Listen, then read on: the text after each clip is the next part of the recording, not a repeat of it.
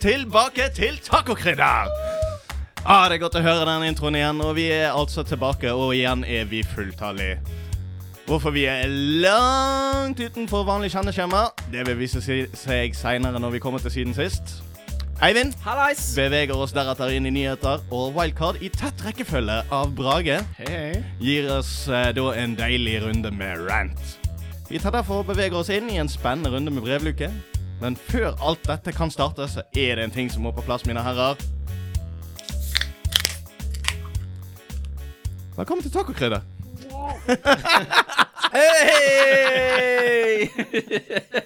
Er litt mye øl der. Det er så utrolig rart, liksom. Man skal åpne en, og så Alltid vanskelig med skål det der òg, syns jeg. Ja. Da, så da skåler vi, Da skåler vi, og så går alle sammen inn i en skål, og så drikker de, og så begynner vi å annonsere skål etterpå. Hva skjer da etter skålen? Skal vi da drikke på nytt? Skal vi skåle en gang til? Har vi ikke fått en generell forståelse av hvordan skåling fungerer? Dette her er sånn type sånn online-kurs som vi godt kan starte.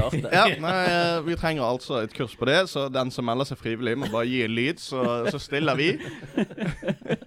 No payment included. Mm. Nei, det er herlig. Det er godt å være tilbake. Ja. Ja. det er Altså, jeg, Nå er det en stund siden. Jeg var ikke her forrige gang, så da er det enda lenger siden for meg. Så det Ja, er veldig sant. deilig å Det være er sant. har du hørt forrige episode med Ole Kristian, Ja. til, eh, til vår eh, eminente ordfører? Yes, absolutt. Det var en eh, veldig bra episode, og veldig informativ. Det var veldig interessante episoder. Har du sjekket Han, eh, uh, Barløyene siden sist? Det har jeg. Veldig bra. greit, greit. Ja. Nei, han hadde, han hadde arkene på dette her, så det, der, var- der var han forberedt. Ja, altså, med Veldig, god, veldig god bra. viten. Og så syns jeg det er en litt sånn lei tendens, liksom. Nå har vi liksom to ganger etter hverandre liksom startet med sånn unnskyldning at uh, Ja, nei, nå beklager vi at det har vært en stund siden sist, folkens. Og det er jo en farlig trend å starte. Det er jo Ja. for så vidt det. Men det har jo sine grunner. Det har sine grunner. Nei, grunner. ja. Vi er gründere alle sammen. Ja, ja, det er vi absolutt. Mm. Eh, hvis vi får opp igjen det her programmet, bare sånn, så hjelper jo det litt for å, at jeg skal ha oversikten. Ja. Men eh, I dag står det for så vidt ikke mye på programmet. det gjør ikke det. Nei. Uh, Allikevel, vi, vi vet jo Det trenger ikke bety at det blir en uh, kort nettepisode av den grunn. Det, vi, det blir spennende å se hvor vi havner i det. Ja. Vi pleier ikke å være flinke å korte ned på tingene. For eksempel så skulle vi egentlig vært langt inne i hva vi har gjort siden sist, men uh, her sitter vi og Her sitter vi. Her sitter vi. Du er så, du er så, du er så Fader, jeg glemmer det ordet. Um, ja. Jeg, jeg sitter med uavhengig, men det er ikke det jeg vil ha. Uh, Vi kan ta fem minutter sånn... og google litt. Ja, vi det? Har vi et leksikon liggende? Vi er jo tross alt på et kontor. Hvis du bare sier forbokstaven på ordet du ser etter, så kan vi begynne på første side. på det heller. Da begynner vi på A. ja, sant. Håper det ikke ligger langt nede i alfabetet. Ja, Det er sånn når du, når du, når du, um, når du ikke gidder å vente på noe. Mm. Uh, husker ikke hva det ordet er. Utålmodig. Der var det, vet du. Takk. Jeg er veldig glad for at vi ikke begynte på A og så gikk nedover. Det hadde tatt jævlig lang tid. Det tenker jeg òg. Nei da, men vi går nå bare videre. Hvorfor er vi så fryktelig sein? Kanskje du har lyst til å begynne akkurat der, Eivind? Jeg er nok kanskje en av årsakene til at vi er sein. Det er nok. Det har vært, eh, det har vært noen hektige, hektiske uker i det siste, og det er jo, bunner jo selvfølgelig i at jeg har stått ute i hagen og eh, planert. Nei da, nå tuller jeg. Nå er det, nå er det faktisk for seint på året til å fortsette med det prosjektet. Jeg har jo vært med, sånn som de som har fulgt med i podkasten i en senere periode, i, eh, på en eh, teaterforestilling som heter eh, Frida fryktløs. Den forestillingen har nå vært, og det var noen insane intensive to siste uker hvor det var jobb fra åtte til fire, ni til fem sirkus, og så var det rett på øving eller prøve eh, etter det fra fem til ni, halv ti, og så var det hjem etterpå, og så var det å jobbe med lyddesign. Um, til av og til klokken tre om natten, og så var det opp igjen dagen etterpå å gjøre samme rulle en gang til. Og dette varte i to uker. Repeat. Ja. Det, nei, det var rett og slett eh, Det var slitsomt, men det var utrolig gøy. Givende. Veldig Det er veldig godt ord for det. Ja, givende var det absolutt. Eh, En utrolig god eh, fortelling som skulle vises frem, og med, det, eh, med den underdog-fortellingen som var om Frida, så følte jeg også det at det var et stort ansvar som lå på hver enkelt som var med i produksjonen. Og når jeg da får lov til å lage litt sånn soundscape og uh, lyder av rør som rister og dunker, og en liten melodi og litt sånn forskjellig, så tenkte jeg at det var viktig at det skulle hørtes, høres riktig ut. Så jeg har sittet foran en mikrofon under et teppe og spist på veldig mye forskjellige grønnsaker for å lage lyden av et monster som flerrer opp menneskekropper, Ikke sant? eh, blant annet. Blant. ja, ja, men jeg kan jo bare få lov til å skyte inn at uh, meg og Brage var jo på, uh, på en av disse forestillingene, og det, det var jo absolutt en veldig gøy uh, teaterforestilling. Kjempegøy å høre. Ja. Ja, Så det, det, ja, det, var jo synd, det er jo synd det er forbi, at det ikke det er noe flere muligheter for å få med seg dette her, men det var, det var virkelig en opplevelse å, å se på dette stykket. For å quote Skar fra 'Løvenes konge', opp av asken, um, så har det seg sånn at teatersjefen på Fyllingsdal Teater var så begeistret for dette stykket at under premierefesten lørdag kveld så kunne han gå frem og si at dette stykket var av en så viktig uh, hadde et så viktig tema og budskap at han gjorde dette her nå. Umiddelbart om til et hovedstykke for Fyllingsdal Teater. Så dette stykket er faktisk å se igjen en gang i framtiden. Da med litt mer produksjonsverdi og høyere ja, brukt litt mer penger på dette her pro prosjektet, da. For det var jo en del tre kasser som sto på scenen, så det var litt opp til publikum å bruke fantasien om hvordan ja, dette det huset til. Frida ser ut. Ja. Ja, jeg hoppet, rett og slett. Og folk begynte jo å grine, og det var, eh, det var ikke måte på. Så det. Ja, det var veldig artig. Nei, men Så gøy, da, for å høre at faktisk eh, Frida Fryktløs kommer tilbake. Frida Fryktløs kommer tilbake igjen. Eh, på et teater nært deg, hvis du bor i Fyllingsdalen. Ja. Eh,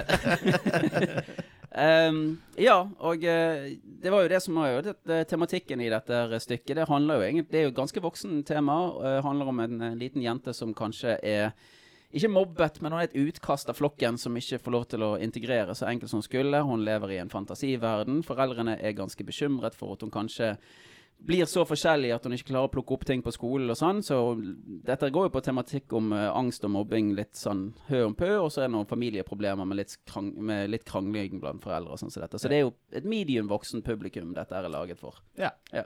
Så er det selvfølgelig en dodraug som lever i doen, og det er jo litt gøy for de fleste.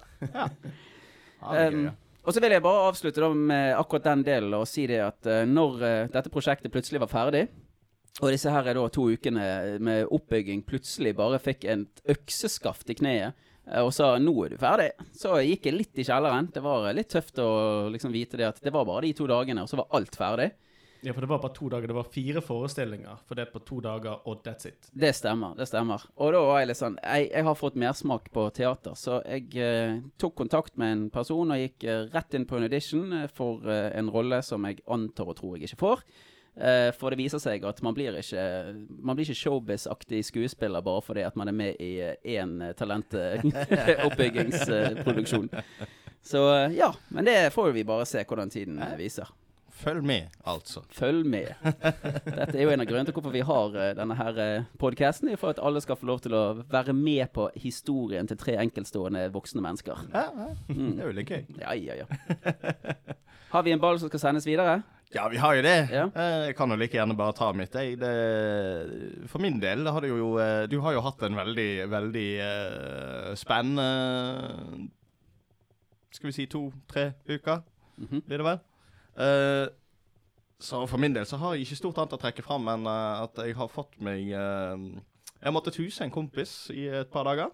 What? Ja. Rett og slett en som ja, ikke har funnet seg et ny plass å bo helt som planlagt, og dermed endte opp uten kåk.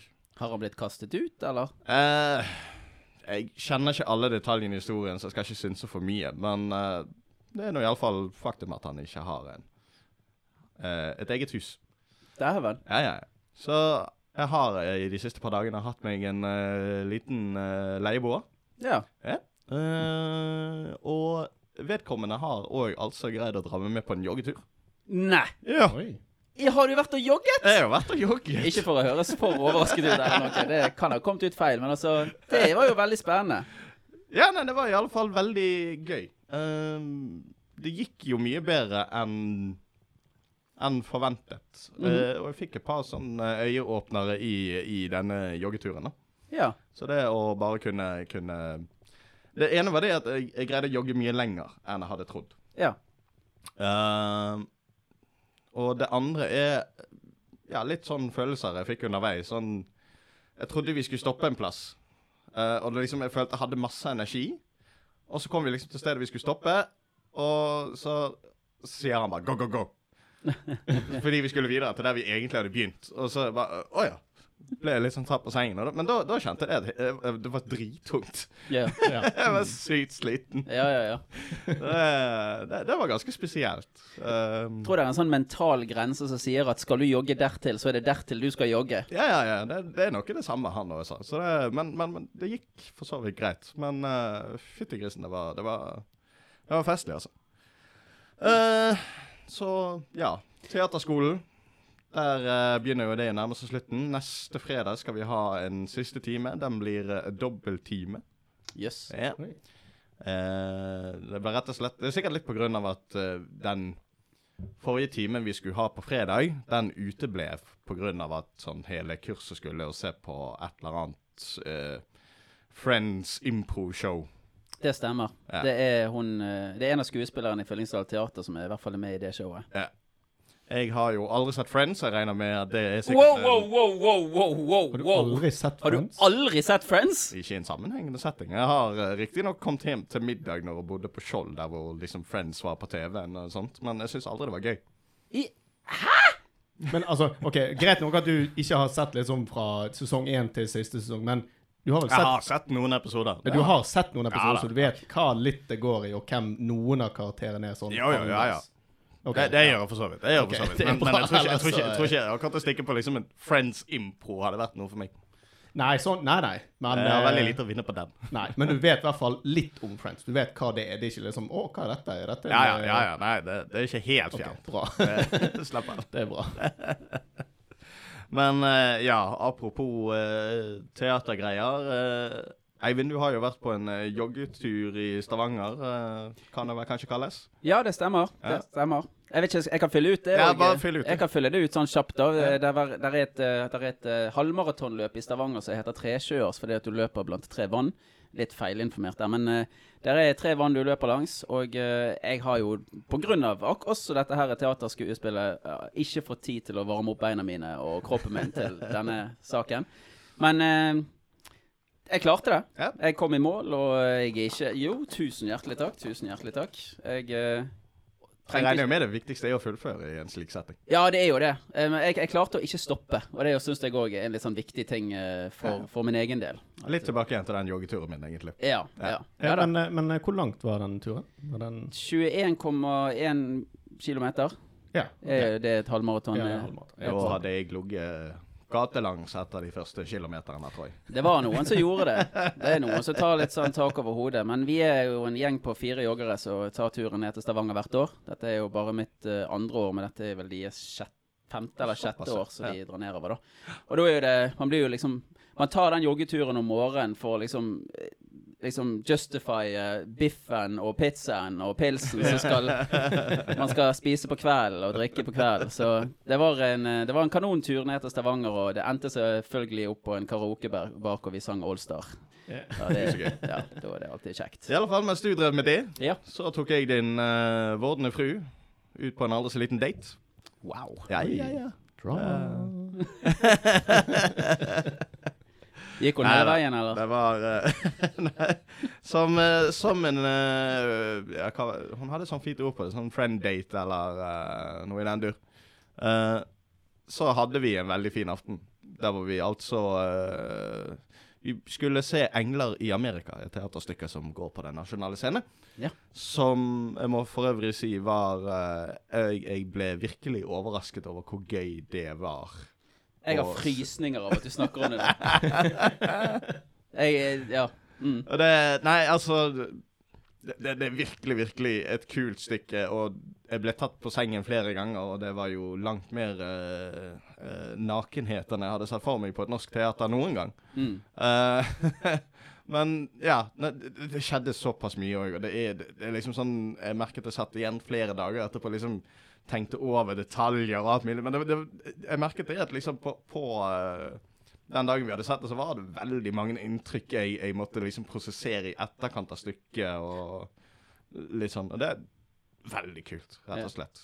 Ja, Godt komprimert ned så handler eh, 'Engler i Amerika' om en tid på 80-tallet hvor eh, aids var eh, på vei til å bli en eh, stor pandemi. omtalt som en pandemi.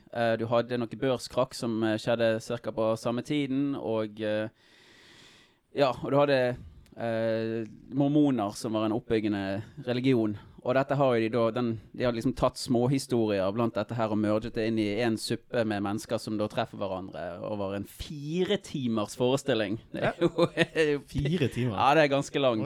Ja. Så, og de får virkelig skutt frem litt av disse forskjellige tingene som skjedde der på 80-tallet. Det gjør de absolutt. Og det, det, var, nei, det, det var bare kjempetøft. Så har man muligheten, så er engler i eh, Amerika absolutt verdt å, å vurdere for en eh, underholdningskveld. Ja. Vil jeg virkelig si. En lite snev av Um, rasisme der inne òg, bare sånn at de får liksom teppet hele jævla den amerikanske ja, historien ned i en fire timers suppe. sant. Nei da. Så um, ja, avslutningsvis uh, Daten med, med din vordende fru var eh, veldig vellykket. Vi satte oss ned og spiste noe pizza, hadde en god preik om stykket og med hverandre. Og avsluttet det hele med mm, ja, anselig mengde drinker på eh, 323 bar. Ja, ja, ja. Og så ser jeg det én ting til jeg har skrevet ned, som jeg har eh, glemt å nevne i farten. Og det er i forhold til denne teaterskolen, så er det jo nå sånn at vi har jobbet litt med at eh, vi utvikler noen karakterer sjøl, så vi på en måte Jeg tror vi skal ha en framføring av det nå på siste timen. Jeg er litt usikker på hva de egentlig planlegger, men eh, det ligger i kortene at det er der. Eh, da har jo jeg òg laget meg en liten finurlig karakter. Det baserer seg rett og slett litt på mange av de overnaturlige seriene jeg liker å se på, som f.eks. Supernatural. Du har denne her filmen med eh, Jeg holder på å si John Wick, men det er jo ikke det. Keanu Reeves. Jeg tenker selvfølgelig på Constantine. Oh, ja. Masse sånn crossroad demons og demoner sånn generelt. Uh, så jeg lager rett og slett prøvd å liksom uh, lage meg en karakter rundt en demon, og hvordan det vil se ut. Hva heter denne dem- demonen? Uh, Belkebum. Belkebum? Ja, det er den mindre heldige, eh, navngivende eh, broren til eh, Belsebub. Som er er Jevel, som vi kjenner igjen? Eh, ja, det er mange som har gitt han uh, Belsebum er jo et annet navn på djevel. Eh, I universet jeg er i, så er ikke Bels Belsebub uh, djevel sjøl. Det er en annen demon. Så du har ikke bare lagd en karakter, du har lagd et univers? Jeg har lagd et lite ja, univers rundt eh, for å backe opp eh, hele, hele tankeprosessen rundt denne her. Uh, Belkebum for øvrig som navn det er egentlig bare noe som dukket opp når, uh, for lang tid tilbake, når meg og nabogutten drev og lekte med EJ. oi, oi, oi! Uh, og da hadde han en lillebror, og vi hadde jo litt gøy med at vi hadde mikrofon og tok opp litt sånn hva vi sa og sånt. Og da var det han ene lillebror som kom opp til mikrofonen og bare Belkebum! så det, er- det er mitt siden sist der, altså.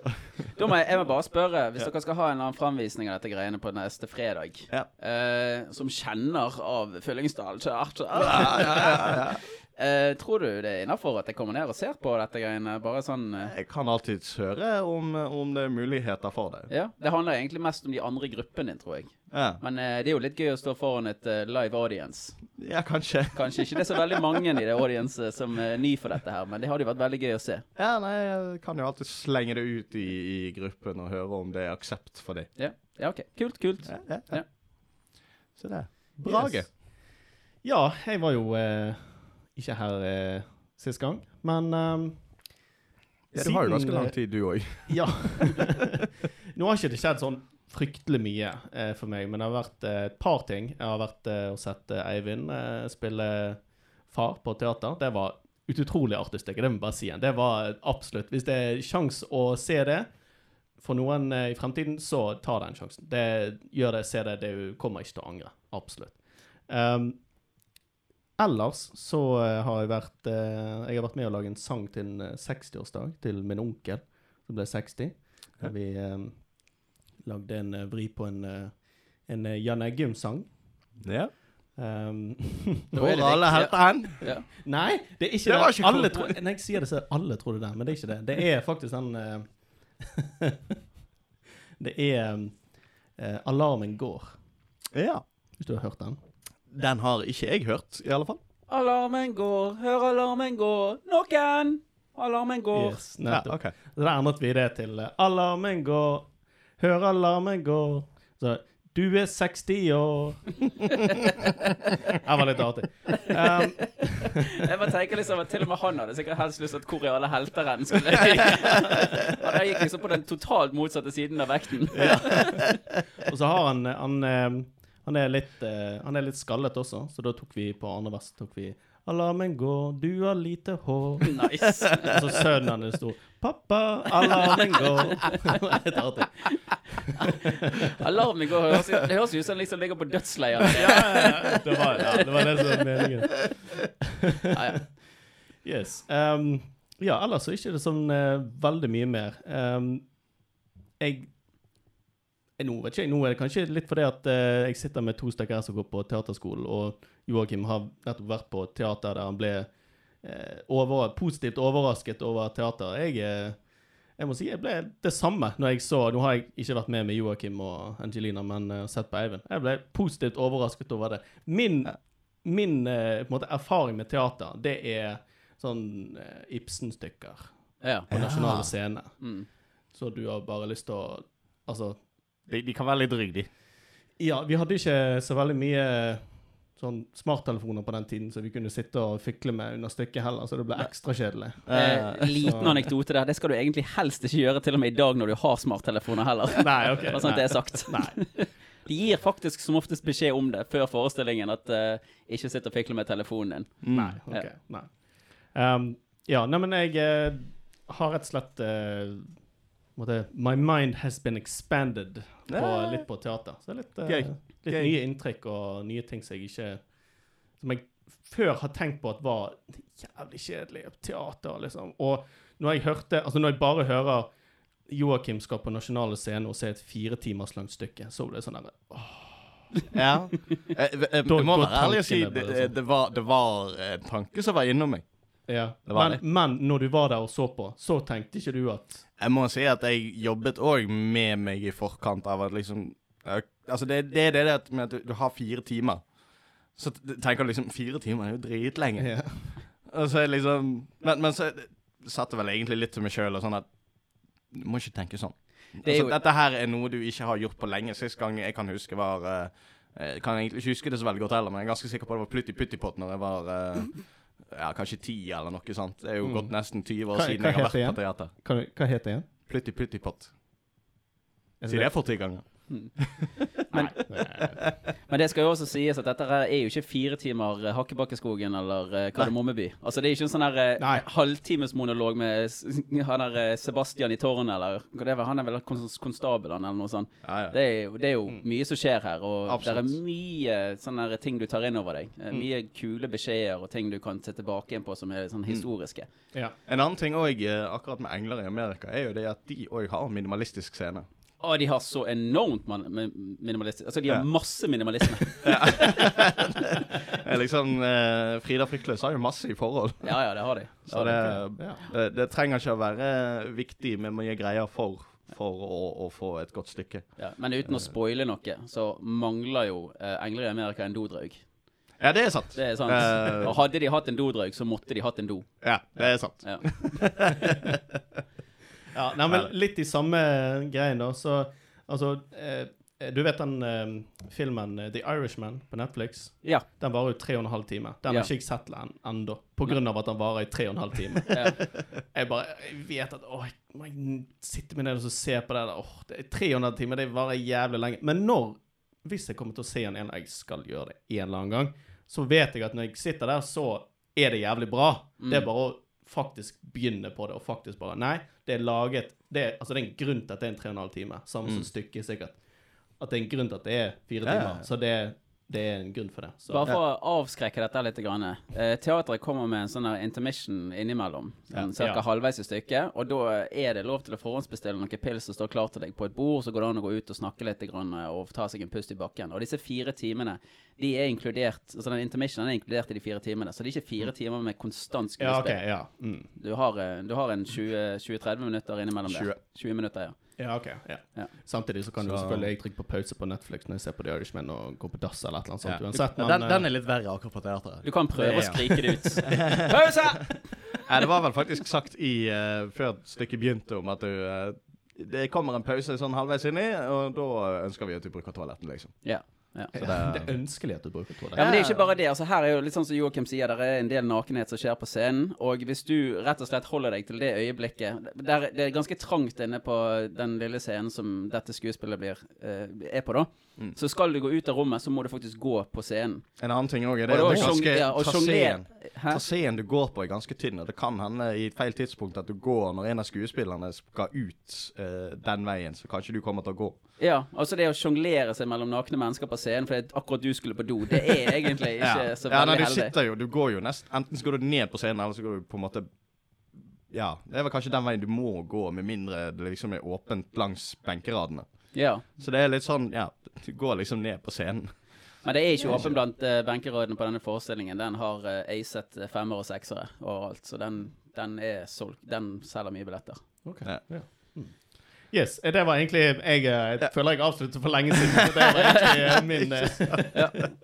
Um, Ja, men den er fin. da bare, jeg bare skyter inn to siste poeng, da, siden vi går igjennom dette. her Det er veldig små ting, men jeg syns det er artig å fortelle. Jeg passet ungene til min bror i går på Leos lekeland. Hel dag med unger. Veldig kjekt. Anbefaler Leos lekeland for eh, foreldre hvis ikke de har prøvd det ennå. Sett deg ned, ungene løper for seg sjøl.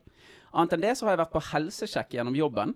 Oi. Og med den helsesjekken så uh, tester vi uh, syn og, og ly, hørsel og litt sånn forskjellig, og hjerterytme. Hvor uh, damen var nødt til å barbere brystet mitt, så klødde jeg i en uke etterpå. Eller klør fortsatt, da. Eh, ikke noe jeg har for vane å gjøre. Og fikk lære det at jeg har et lite hørselstap på rundt 6000 hertz, som hun mente kunne være skade fra høy lyd. Så hun spurte hva jeg egentlig holder på med på jobben med øretelefoner. Så sa jeg nei, spiller i band. Så ja. Hæ? Nei, men det er flott. Yes. Jeg, jeg tenker det var en ganske solid runde. Vi hopper rett videre til neste post. Er det uh, Skal vi se Det er nyheter, det. Ja. ja det, den er vi gode på. Yes, da har vi kommet til nyheter. Og uh, jeg har lukket ned alt jeg egentlig hadde foran meg. Så eh, velkommen til nok en podkast med nok en person som har Nei, jeg har ikke lukket den her. Det ligger faktisk rett her. Ja, takk, Eivind. Eh, litt eh, spennende nyhetsformidling denne gangen. Eh, jeg har, eh, alle har jo fått med seg Gullrekken, regner jeg med, på fredager når man spiser taco. Og eh, blant de tingene man kan se der, har jo vi Nytt på Nytt. Så jeg tenkte faktisk å kjøre et lite sånn Nytt på Nytt-format i dagens nyheter. Og hvordan, Er noen av dere som er kjent med, med Nytt på Nytt-greiene? hvordan de eh, presenterer nyheter der? Ja, det har jeg sett før. Ja, det har du sett før, men jeg kan forklare det. Dette går så Ja, ja, ja, fint. så. takk for det. Jeg eh, leser noen eh, navn som er hentet fra en artikkel, og så kan dere prøve å gjette dere frem til hva denne artikkelen kan handle om. Hvis dere bruker fantasien, skal det være litt morsomt, eller så kan dere prøve å gjette rett på hva denne saken dreier seg om. Jeg skjønner. Yes, er dere med? Ja. Så den første saken, der har vi en, tre ord jeg har lyst til å si. Og det er egentlig ikke så veldig vanskelig å gjette hva dette dreier seg om egentlig. Det ser jeg nå når jeg har gjort en litt dårlig jobb. Må jeg ikke gjøre det så veldig confused, men her er de tre ordene. Det er VR, robotsjef og navnendring. Hva dreier dette seg om? Robotsjef. Robotsjef. OK. Ja. Eh, Hva kan dette dreie seg om? ja, nei, hva kan dette dreie seg om? VR, eh, altså VR som i altså spillmediet VR. Virtual reality. Virtual reality. Det må jo være det, i alle fall. Ikke for å høres ut som en utvekslingsstudent i USA som har vært borte i et halvt år og skal ta med seg den skrytende dialekten tilbake. Virtual reality. Ja, Du sa VR, robotsjef og Navnendring. navnendring, ja. Mhm. ja, ja, ja. Mm. Er dette de i Norge som syns at vi har et veldig Vi, måtte, vi vasker ut det, det norske språket med engelske ord, som VR. At det er for lite norsk, så da skal vi endre det til eh, Ja, og så, er det en som er da uh, utvikt... Eller en som er robotsjef, som da vil eh, Det er, altså, det, det er robotsjefen på toppen som mener at vi må slutte å ut, vaske ut det norske språket. Ja, at vi ikke må bruke VR, men bruke noe mer eh, norsk. Ja. Altså, nå er jo saken her det at VR oversatt til norsk hadde vært virtuell realitet. Så jeg tror Ja, nei, ja, okay, den, nei, den tror jeg havner i dårlige ord. Ja. For VR kan jo leses på norsk. Da var det at eh, Jeg skulle jo bare få inn den exchange student-vitsen min inn der. Ja, nei, jeg, jeg, Virtual reality. ja, jeg sliter litt med hva dette her skal være. Det gjør jeg, altså. Uh, av en eller annen grunn så blir jeg tråkket litt mot uh, uh, Ja, du sier robotsjef, og av en eller annen grunn så dukker Elon Musk opp i hodet mitt der, så kanskje det er noe med, med Reise til Mars i VR er Ja, mye, noe sånt. mye mer energibesparende. noe, noe i den greien der, men, men eh, ja. Ja. Dette her eh, rakettselskapet hans har kanskje ikke eh, riktig navn lenger, så det, det er nødt til å gå til eh, Kanskje måtte lage et underselskap eller noe ifra, ifra dette her eh, SpaceX. Ja, Så det det er begge to gode gjettinger. Vi har et lite klipp her som vi kan vise frem. to adopt a new company brand to encompass everything that we do, to reflect who we are and what we hope to build. I am proud to announce that starting today, our company is now Meta. Our mission. Yes. eh, Selvfølgelig. vi skal selvfølgelig frem til navneendringen som skjer hos Facebook for tiden, hvor de nå eh, går inn i navnet Meta. Og så har jeg lagd noen stikkord her, så jeg bare kan lese rett opp fra papiret. Her skal jeg bare være helt ærlig. Det er som oftest det vi gjør her. Facebook har annonsert at de endrer navn, og med dette kommer en rekke framtidstenkende endringer. Mr. Zuckerberg skal fra nå og i tiden fremover lage det han kaller for et meta-univers. En slags utopisk VR-verden hvor man kan treffes i spill og på kontoret, designe sine egne virtuelle hus og ikke minst kjøpe kunst og klær. Så hva tenker vi om dette? her? Har dere fått med dere denne her eh, utopiske verden som eh, vi egentlig kan kjenne igjen fra en del sånne futuristiske uh, filmer vi har sett? Jeg tenker Ready Player One er jo sånn typisk, eh, typisk film som kanskje skal illustrere denne utopien hvor folk lever sitt liv uh, inni et VR-headset og uh, gjerne bestiller pizza hjem på døren. Og sånn er hverdagen. Men ikke det er mye enklere å gjøre med Altså, må du liksom inn i VR for å gjøre det? Ikke det er dritenkelt å bare flekke opp telefonen og bare bestille pizza? Nei, altså nå tenkte jeg at eh, man, treng, man, man går ikke ut av huset. Ja, ja, ja. Nei, nå tenker jeg man går ikke ut av huset for å treffe hverandre. Man går ikke på jobb lenger. Man, Ja, sånn, ja. ja. ja, og i denne, i denne altså robotsjef-del her eh, Det var egentlig ikke Mark Zuckerberg vi, uh, vi skulle opp mot når vi sa robotsjef, selv om han har tendenser.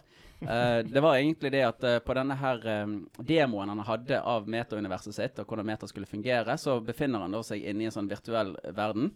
Hvor han har da et møte med de som jobber i Facebook-konsernet. Hvor sjefen hans har påtatt seg avataren en jækla svær, bulky robot. Eh, derfor robotsjef. Um, I see. ja, Men har dere fått med dere uh, denne Jeg har fått med meg saken, ikke lest veldig mye om den. Uh, Jeg har vel stort sett bare lest overskrifter på akkurat Ja, jeg tror det er samme, egentlig. Jeg har hørt de endrer dem til Meta. Og så, Ja. så hørte jeg at nå kan man si For liksom de store tech-gigantene så kan man si at de heter Manga. ja vel. For du har Meta, og så A for Apple, N for Netflix, G for Google og A for Amazon. Så du Dæven. kan si manga, liksom. Ja, Så eh, det var litt kult, det egentlig. Sånn, da er det et ord for det. Det var en abbreviation som jeg ikke var klar over at vi trengte, men nå når du sier det, så tror jeg faktisk jeg kommer til å begynne å bruke det. Ja. Styr unna manga. På godt og vondt. Neida, Nei jeg syns det er en interessant sak. Jeg uh, syns jo Facebook blir skumlere og skumlere. Um, og eh, de reklamerer jo med en hjemmekontor, hjemmekontorsløsning som selvfølgelig kommer uh, i lys av pandemien, hvor folk har gjort seg vant til å ha hjemmekontor, som er en slags delstandard som uh, nå flere bedrifter er nødt til å ta bruk av. Da, fordi folk liker jo å ha disse hjemmekontorene. Og da er det hjemmekontor, men på kontoret. Fordi at kontoret le eh, lever i en virtuell verden. Ja. Ja. Det var en veldig rar pressekonferanse, eh, og jeg, anbefaler faktisk folk å ta en titt på den, for den er cringy as fuck. Mer sånn amerikansk versjon av markedsføring har du ikke sett i videoformat på mange, mange år. Nei, det kan jeg tenke meg. Og det var veldig rart. Nei, men vi kan fortsette neste nyhetssak, og vi kjører en ny sånn Nytt på nytt-dose her. Uh, apropos dose, uh, her er de tre ordene vi skal frem til. Boosterdose, Tromsø og sertifisering. Dette er en veldig ny sak for øvrig. Ikke sant. Boosterdose. Jeg er veldig glad. Det kan bli årets ord, tror jeg. Boosterdose. Et ordentlig ord. Ja, ja. Eh, Jeg tuller ikke engang. Men er det et norsk ord? Ja. Ja, brukt i en artikkel. Jeg har kopiert ordet. Boosterdose. det høres ut som det er tatt fra fraglene. Boosterdose, Tromsø og sertifisering. Hva kan dette dreie seg om? Boosterdose Altså, det er jo pandemien. At det, det, smitten øker nå når nesten alle faktisk er vaksinert og fullvaksinert, så er det fremdeles eh, noen eh, Så øker smitten fremdeles. Og i Tromsø så er det jo Der øker smitten veldig mye. Men eh, sertifisering Mhm. eh, Koronasertifisering, at du sertifiserer på at du har tatt den tredje dosen. Eller så kan du være sertifisert for å injestere sprøyter. da. Det kunne jo vært en fin måte å gjøre det på. Altså, Hvor mye tid hadde ikke vi spart på det? Ja, hvis for, vanlige folk det trenger ikke være sykepleier, men det kan bare være Bare sånn helgekurs. ja, rørlegger. Ja, Ja, ja. sertifisert for. Kan du få deg, altså jeg tenker Alle studentene som kan få 100 kroner dose. Det hadde vært kjempegøy. Du kan gå dør til dør og selge, selge Da sprøyter. hadde Oi! I hellene. 100 kroner eh, stikket. Uff. da hadde jeg meldt meg på, altså. Kanskje dette er noe du kunne fått inn i metauniverset. Ja. Nei, Du bare sprøyter den inn i USB-porten. Du har fått sånn her eh, Hva heter det? Intravenøs USB-saks. Nei da, det er helt riktig. Du er on point. Vaksinen har ikke stoppet pandemien. Den beskytter oss ikke 100% Nå er vi over i en fase med normal hverdag med økt beredskap, der det først og fremst er kommunene som står for tiltakene, og vi støtter dem i det, sa statsminister Jon Gahr, eh, Jonas Gahr Støre. Helt ny statsminister, jeg har ikke lært meg navnet hans ennå. Nei. Da han innledet på fredagens pressekonferanse om koronasituasjonen. Da er det fredagen som nettopp var, eh, altså den 12. Eh, her, han, her er et lite utdrag av noe han har sagt. Vi er i gang med å lage forskrifter som gjør at kommunene kan ta i bruk koronasertifikat. Sertifisering. Da kan et utested, f.eks. i Tromsø, drive som vanlig hvis gjestene har grønt koronasertifikat, sa Støre på en pressemelding fredag. Ja, nå har vi gått igjennom det allerede. Tromsøs ordfører kunne fortelle at de vil senest tre i kraft de nye tiltakene tirsdag neste uke. Så da lurer jeg rett og slett på Hvorfor i all verden er det så mange som blir innlagt for tiden? Hvorfor er, vi, hvorfor er sykdommen så på vei oppover? Vi er jo vi, Nesten hele Norge er jo uh, vaksinert. Ja. Hva er det som skjer? Jeg, jeg tror eh, litt av grunnen til at uh, det er som det er i dag eh, Selvfølgelig, smittetallet øker jo, eh, men det er færre av disse som blir eh, alvorlig syke. Men også av dette RS-viruset Mhm. som går, så tar det en del kapasitet, fordi at der er det mange som er innlagt. Jeg mener å ha hørt at for ikke så lenge siden så var det jo smikkfullt på barneklinikken på Haukeland. Ja. Um, som da igjen gjør at kapasiteten på, eh, på helsepersonellet blir litt begrensa i forhold til hvor mange de kan ta inn i forhold til korona. ja. Sånn at dette legger liksom et lite press på uh, den kapasiteten som da hele tiden er liksom det de jobber ut ifra på trusselbildet. sant? Altså hva, hvor, hvor mye er for mye smittepress, eller hvor mye sant? Det, det handler om hvor mange som kommer inn på et sykehus for å, å trenge behandling. Eh, og liksom, er vi klar for å ta imot så og så mange? Og når da denne stiger, det er flere og flere som blir innlagt, og det er, du har dette RS-viruset som holder på, så blir det rett og slett en liten krasj som gjør at uh, ja, det er begrensa med, med helsepersonell tilgjengelig. Jeg tror du er veldig inne på noe der, og Gahr Støre kunne jo også si i denne artikkelen her at eh, vi er ikke så veldig interessert i smitteantallet lenger, fordi at folk flest er vaksinerte. Og folk blir fortsatt syke, men de blir ikke alvorlig syke. Og det eneste vi ser og fokuserer på akkurat nå, det er innlagte. Ja. Som ser ut til å være et lite problem i Tromsø, da. Ja. Ja, men det er bra. Vi kan hoppe videre til neste sak. Um, nå eh, gir jeg meg på Nytt på nytt-sakene, fordi at vi skal spare litt tid. Så Ja. nå leser jeg bare to. Eh, en litt, litt tøff en, men eh, veldig aktuell for vår podkast ut ifra de samtaler vi har hatt i tidligere episoder. Og så selvfølgelig en gladsak på, på, på slutten, fordi vi vet hvordan å operere som en nyhetskanal. Røde Kors samtaletilbud Kors på halsen har flere innringere hittil i år enn hele 2020. Nå merker jeg det at uh, når jeg leser det, så eh, er ikke det så veldig stort, egentlig. For vi, er, vi har faktisk beveget oss inn, godt inn i november måned allerede. Men det er interessant likevel. Røde Kors samtaletilbud for barn og unge, Kors på halsen, har fått flere henvendelser så langt i år enn under hele pandemiåret 2020.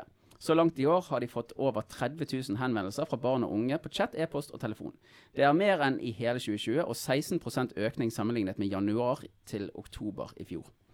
Tallet viser at den ekstraordinære situasjonen vi opplever under pandemien, slett ikke er over. Det tar ofte tid før psyk øh, psykiske problemer kommer til overflaten. Samtidig som vi går inn i de mørkeste månedene, ser vi på nytt at skoler står i fare for nedstenginger, og at ensomhet og utenforskap igjen opptar mange unger, sier Apeland. Jeg vet ikke hvem hun eller han er. De fleste som tar kontakt er mellom 15 og 18 år. Selvmord er fremdeles det enkelttemaet flest snakker om, men det er også mange som snakker om angst, depresjon og tristhet, ifølge Kors på halsen. Har dere noen gang vært borti dette her eh, post-covid-uttrykket? Post Eller lang- altså- lang-covid, heter det. Lang-covid, ja. det har det har dere hørt om, sant? Nei, faktisk ikke. Ja, Lang-covid er jo eh, det som skal være resultatet, altså ettermatten av eh, pandemien som vi har vært igjennom, hvordan det kan eh, gå utover psykisk helse hos, hos flere mennesker. Og det er jo da sagt fra forskjellige etater at dette er starten på, på lang-covid, hvor vi kommer til å se at folk sliter med psykiske problemer. Men lang-covid, jeg har hørt at det er altså, mer fysisk. Altså Lang-covid kan jo være flere ting, da, men eh, på en måte, sånn som jeg har hørt lang-covid, så er det på en måte Du har pusteproblemer i lengre tid. Altså du har pusteproblemer i et år etterpå du har Ja, er ferdig med korona. Så det er på en måte den fysiske. Men selvfølgelig, den psykiske, det er jo ja, noe som ikke har hørt så veldig mye om i det hele tatt. Nei. Men som sikkert nå kommer opp, og det blir mye mer aktuelt. nå. Jeg har hørt mer om det psykiske enn det, skal du si, det fysiske, Ok. ja, faktisk. Ja. Så, men jeg har ikke hørt ordet lang-covid. Men jeg har hørt, lest artikler om, om, om skal du si, økende Ja, som du nevner i artikkelen, økende eh, innkomne telefonsamtaler til hjelpetelefoner, støttetelefoner og slike med, med psykiske uh, uh, ja, plager. Men det er jo også altså, flere enn i Altså hittil nå er vi i november. Eh, det var flere enn i hele 2020. Og vi er ikke i julesesongen ennå. Og der er det jo, jeg vil tippe, er veldig mye trafikk på de tingene der. Det vil jeg tro. Det vil jeg tro. Jeg må også si det at uh, å ta en tur innom Leos lekeland, som Ja. jeg nevnte i introen, det var søren meg en sånn smittebule til de grader. Jeg har for øvrig ikke sjekket meg, så eh, vær, litt, uh, vær litt bekvem på hvordan dere føler dere. Ja. Vi avslutter med en gladsak. Hey. Og den er kort, men den er fin. Vi kan gratulere med at Pepperkakebyen skal, er nylig åpnet og fyller 30 år i år. Gratulerer til Pepperkakebyen! Lokal, kjent landsby ute og går der. Vi sklir rett Hva er i? Hæ? Hva er den i år? Jeg har ikke peiling. Nei. Du får gå etter lukten. Ja. Det stemmer, vi beveger oss rett over på Wildcard-spalten, og den skal være trivelig og enkelt å ha med å gjøre i disse dager. Fordi at iblant disse dager så er jo det én ting som har gjort seg veldig bra på salgstale, og det er jo hjemmes... Altså spill, altså kort- og brettspill. Det har jo hatt salgstall Ja. til de grader. Så jeg tenker at det vi gjør nå, vi tar en kjapp runde med Monopol og prøver å beskrive hvert eneste trekk vi gjør. Nei da, det skal ikke vi gjøre. Dere kjenner til Alias, regner jeg med. Yes. Alias er da dette spillet hvor man har et ord, og man skal prøve å da beskrive ordet uten å bruke ordet til de som man er på lag med. Eh, For at dette her skal være en konkurranse som vi alle sammen kan delta i, det stemmer. I dag skal jeg være med på wildcard-spillet. Så eh, får man poeng med å klare å være den første til å gjette. Og da er det veldig greit at vi er tre personer, for det betyr én leser og to gjetter. Okay. Med meg har jeg eh, hentet ut noe, eh, noen kort som er hentet ifra et annet spill som heter Ryktegård. Men Ryktegård er et spill som har seks ord per kort. Jeg foreslår at vi ikke går mer enn fire. Du velger ifra toppen og går nedover til du kommer til det fjerde ordet. Da er det én person som leser det første ordet, prøver å få de to andre til å gjette, beskriver ordet uten å si ordet, og den som klarer å gjette det, får et poeng. Skjønner dere hvordan rutinen er? Ja, men uh, det er altså fire spørsmål på disse kortene. Ja, og så er det ett uh, uh, Det er ett, det er fire ord. Ja. Og eh, vi tar det på runde. Det betyr at eh, hvis jeg starter, så leser jeg da frem det første ordet, og så er det da videre til Ja, okay, Joakim sånn, sånn til min høyre. Mm ja. yes. Så vi tar ett ord av gangen. Så da kan dere trekke et kort ifra bunken. Jeg legger nå ned en, eh, en bunke med kort på bordet her, og vi eh, tar nå og trekker kortene. Um, jeg kan jo egentlig bare starte. Uh, det skal ikke være så veldig vanskelig. Um, hvis uh, noen av dere Hvis du, Joakim, kan bare lage en strek for hver som får poeng, så vet vi hvem som vinner. Det må jeg kunne Det få skal, til. det skal du kunne klare å Skal få vi se, til. vi hiver ned en liten bokstav for enhver deltaker i denne konkurransen. Dette her. Med penn klar til streking. Veldig bra. Nå må ikke du bli obsessiv med penn, for da glemmer du å gjette. Jeg begynner på mitt første ord, som er det øverste ordet som står på kortet mitt. Dette er en person som han som styrer et fly. Eh, pilot. Det er helt riktig, Joakim. Du får et poeng. Hei! Det skal ikke være vanskelig, men det skal være raskt. Sa brura. Og da er det Brage, for eksempel, som tar neste ord. Jeg tenker at vi går til deg, Joakim. Okay, vi går til Joakim er da til min Ok, ja. høyre. Det er greit. Eh, dette er en eh, plass eh, hvor det kommer et transportmiddel som Kai. er ført på skinner. Tog, eh, togstasjon. Togs- Togstasjon er riktig. Yes, da har jeg et ord. Eh, det er noe som man bruker eh, om eh, Om julen eh, for å Gavepapir. eh, nei. Eh, for eh, det er noe som man har fire stykker av. i julen. Man Eh, er tar det sånn det i en- julelys, sånn adventslys? Adventslys er helt riktig. Wow. wow, wow, wow. Oi, det kan være vanskelig for oss. Eh, dette er noe som uh, damer hovedsakelig, men absolutt menn kan bruke. Og gjerne menn som er i en transaksjonsperiode, bruker over eh, Å, faen, jeg har ikke lov å si et eneste av ordene som står her. Over det du bruker til å se med. Det er noe de bruker for å pynte seg. De bruker en slags Makeup. Ja, nei, det er akkurat over Sminke. Det er akkurat over eh, de tingene du har i ansiktet som du bruker til å se med. Og eh, det males på en måte Er det sånn piercing eyeliner. i, eh, i øyen? Piercing i øyet? Ja, eller er det sånn, det du sånn i øyenbrynet? da? Sånn. Nei, nei, nei, du maler det på. Du maler det på, ja. Ja. Med, ikke med en blyant, men mer med en slags sånn Eh, Sånn eyeliner. Uh, Nei, det er ikke en eyeliner, men du eh, nær, nærmer jo deg området her. Hva er de andre tingene? Øyenskygge. Ja da! Oi! Poeng til Brage rett der. Greit, det. Eh, ja, denne her kan jo òg bli interessant. Dette her er altså en hårfrisyre. Mohawk. Som uh, gjerne kommer uh, mer ifra fra området I øygruppen utenfor Afro. Dreads. Dreadlocks. Eh, ja, dreadlocks er vel Ja, rastaflette er det dønn riktige ordet, så den, Yes. den gir jeg faktisk til Brage. Selv om dreadlocks er vel kanskje det samme. Det der halvåret Jeg er ikke exchange- til USA. Are you talking about dreadlocks? ja.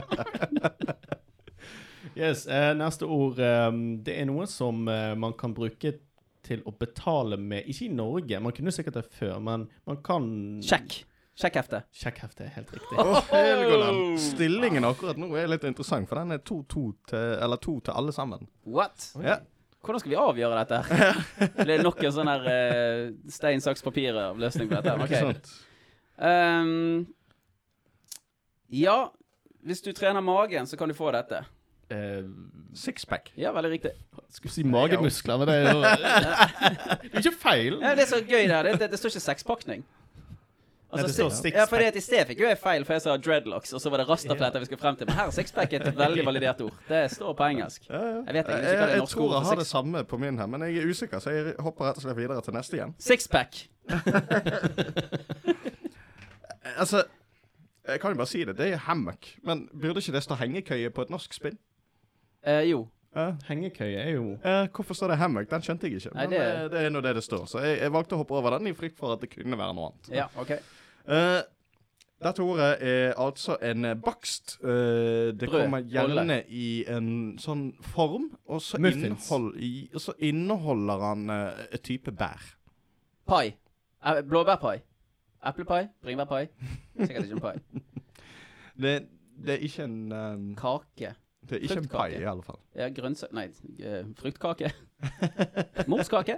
i en form. Bare Ja, den kommer i en sånn liten form, men den pleier du ofte å ta av når du skal spise denne her. eh. Cupcake. Han har sagt muffins Eh, allerede. muffins ja, er det ikke. ja, men det er en spesiell type muffins her. Oi. En spesiell type muffins. Oi. Eh, Bærmuffins. Blåbærmuffins. Blåbærmuffins er helt rett. Oi, I var all det verden! Oi, i all Det var det verden! første ordet! Wow! Okay. Det er jeg litt overrasket over at det gikk. Oi. OK. ehm, dette ordet er en eh, olympisk eh, gren Skiskyting. eh, som, brukt i sommer-OL. Eh, Skiskyteløping. Nei, løpeskyting. det er Du går ikke rundt og rundt. Du går egentlig bare rett frem. 100 meter sprint. 60 meter sprint. 100 meter sprint. Nei, det er Du, eh, Hekkeløp. du eh, går eh, rett frem, og så Nei, det er sånn kappgang. eh, Så stopper du plutselig. Eh, så lander Spydkast. Du, du lander en sånn Å ja, ja, det, eh, tresteg, lengdehopp. Lengdehopp. Er riktig. Nei! Jeg vet ikke hvem som fikk det. Var det Nei, det var nok han som fikk det. var. Joakim? Ja, tror jeg. OK, da er jeg på eh, mitt siste ord. Kjør på. Ja. Hvis du dør og blir lagt i bakken, så står denne gjerne ved siden av graven din. Eh, gravstein. Det er helt riktig. Ja. ja. Uh, dette her er noe som kan både være Vent, eh, vent, vent, vent, vent, vent. Jeg må ta en ny en. Oi. Jeg eh, sa feil her. Jeg, jeg sa ordet grav. Du sa grav. Jeg sa grav. Gravstein. Ja. OK. Jeg må dessverre gå videre til neste. Ja, det er greit. Den strykes. Oh, nå ble det spennende. Dette er et bakstverk som inneholder blant annet sukker, eh, og han er søt. Eh, Pepperkake. eh, eh, ja, du, ja. Eh, nei, ehm, og så eh, er det smør og sukker og en ingrediens til som er en del av navnet. Denne ruller du sammen, skjærer, opp i ski, Rullekake. Skjærer den opp i biter, og så varmer du den i ovnen.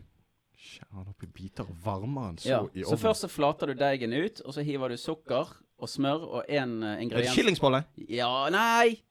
Den. Skilling er jo ikke en in ingrediens. Nei, vi skal frem til en ingrediens som veldig ofte går sammen med sukker på andre matretter. Eksempel grøt har du ofte denne sammen med sukker. Hæ. Smør. Nei, smør er der, og Skolebolle, da. sukker er der, og så er det denne ingrediensen som også er der. Kanelbolle. Der er vi! Der er vi. Jeg er helt sikker på at de som hører på episoden, de har gjettet dette for lenge siden. Meget mulig, meget mulig. Jeg tror egentlig vi glimter oss med vårt eh, våres eh, ekspansive kunnskap om bakst. Joakim. Ja, ja, ja, det, der, er der er egentlig det som skjer her. Der er vi gode. da er altså stillingen eh, to poeng til Eivind, fire til Brage og fire til meg. Oi, jeg kan ikke hente meg en Jo, det kan jeg hvis jeg får alt rett. Ja, Da blir det helt likt. Helt Skal vi se. Uh, dette her er altså uh, en Fader, det er vanskelig å forklare. Mm, det er noe som uh, kan gjøres fysisk og psykisk. Eh, det har noe Skriving. med det du tenker med å gjøre. Hjernetrim. Nei, det er riktig, det. det er Det er ikke riktig. Eh, ja, ja, ja, men det hjernen må jo være her. Ja, men det har noe med trene. modifisering av dette her organet. Eh, Eh, eh, Ikke nødvendigvis et positivt ord. Nei, for jeg tenker sånn her eh, Sånn når de går inn og så slår de en hammer i siden. er det sånn lobotomi? Lobotomi, var det Det jeg er, tenkte jeg vil tro det er eh, det, det mer eh, riktige ordet, men da er du på det fysiske planet, vil jeg tro. På. OK. Så det er mye det samme. Lobotomert? Eh, Ja, men det er fortsatt i det fysiske. Du kan òg ha dette psykisk. Du kan på en måte bli påvirket. Hjerneslag. Skadet. Hjerneskadet. Nei, Hjerneskade. Ikke hjerneskadet. Hjerne... Ikke hjerneslag. Ikke hjerneslag. Hjerneblødning. Det virker veldig fysisk, alle disse tingene her. Ja, det- Eh, altså, det, lobotomi er nært, men du har òg den psykiske biten hvor du kan bli manipulert til Hypnose. Hjernehypnotisering. Eh, Eh, Hjernehypnotisering. ja, det var bare Til forskjell fra Hypnotisering? hjertehypnotisering. Ja, nei, altså, jeg bare tenker siden er Nyrehypnotisering. Jeg tror at ordet hjerne skal inn her. ja, det er Ja. ganske riktig. Hjerneslag, hjernedrypp, hjerne... Hva heter det? Hjerne... Er ordet hjerne det første ordet i dette ordet? Det er riktig. Ok. Jeg kan vel kanskje dele det opp litt, grann, da, prøve å gjøre det litt lettere. Man har en annen aktivitet som man gjerne gjør med klær. Hjernebretting. Hjerne, hjernevask! Hjernevask! Hjernevask, selvfølgelig. Ja. Hjerne, jeg, tenkte, Hjernebrett. jeg tenkte på hjernebretting. Er Jeg, Jeg jeg, tenker liksom, tenker liksom Lobotomering er jo hjernevasking på én måte, men du har òg det å kunne bli hjernevasket. Ja. det er forskjellig. Ja. Ja, ja. OK. Um, Klarer jeg denne, så er vi, avslutter vi likt. Ja. Uh, ja, dette er noe som uh, Altså, dette er dyr som lever i uh, Afrika. eh, Løve, tiger, antilope, hyene. Sjiraff. Som da har Sebra, eh, på Foran på dette dyret så er det noe eh, Beltedyr. veldig langt. Nesehorn. Elefant. mør- Mørsluker. Mørsluker. Det er et veldig stort. Elefant. Elefant. Ja, det er første del av ordet. Okay. Og så er det andre delen. Det er altså den delen av det dyret som er, er Elefantfot. dyret, er veldig langt. Elefantsnabel. Elefantsnabel er riktig. Oh yeah! OK. ok. Ja, ja, det er greit. Da ble det uavgjort, da. Da ble det uavgjort. Da ble det 4-4-4. Yes. Det var veldig gøy at folk kunne følge med. Ja, vi er like smarte hele gjengen. Vi er like, ja, like dum, alt ettersom. Det er mulig, det òg. Ja. Nei, hva gjør vi da? Går vi videre? Ja. Ja, men da eh, tar vi og gjør det. Er du, eh, er du eh, klar, du, Brage? Å ja. Nå er det, nå er det, det faktisk eh, Dette her går inn i en stor sak.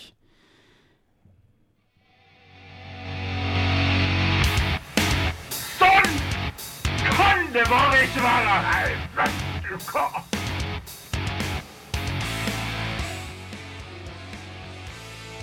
Ja, da var vi her igjen.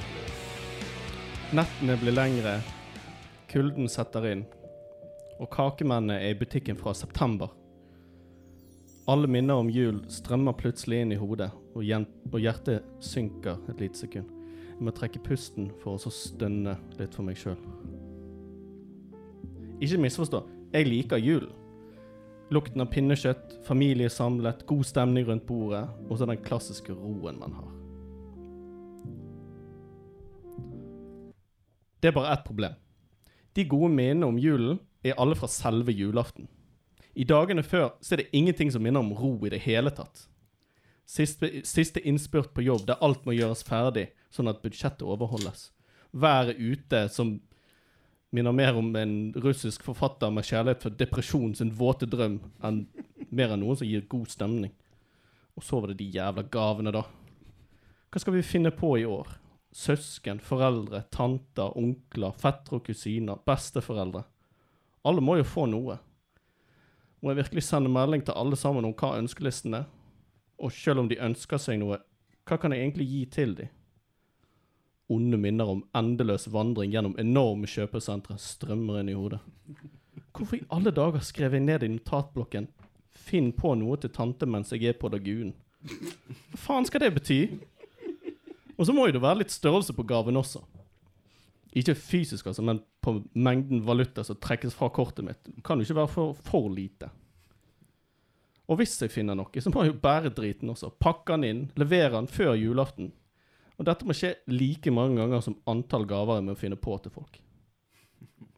Jeg skvetter litt til idet en gammel dame prøver å komme seg forbi meg med handlevognen sin mens jeg står og stirrer på de her kakemennene som har kommet ut altfor tidlig på salg. OK. I år så skal jeg i hvert fall gjøre det ordentlig.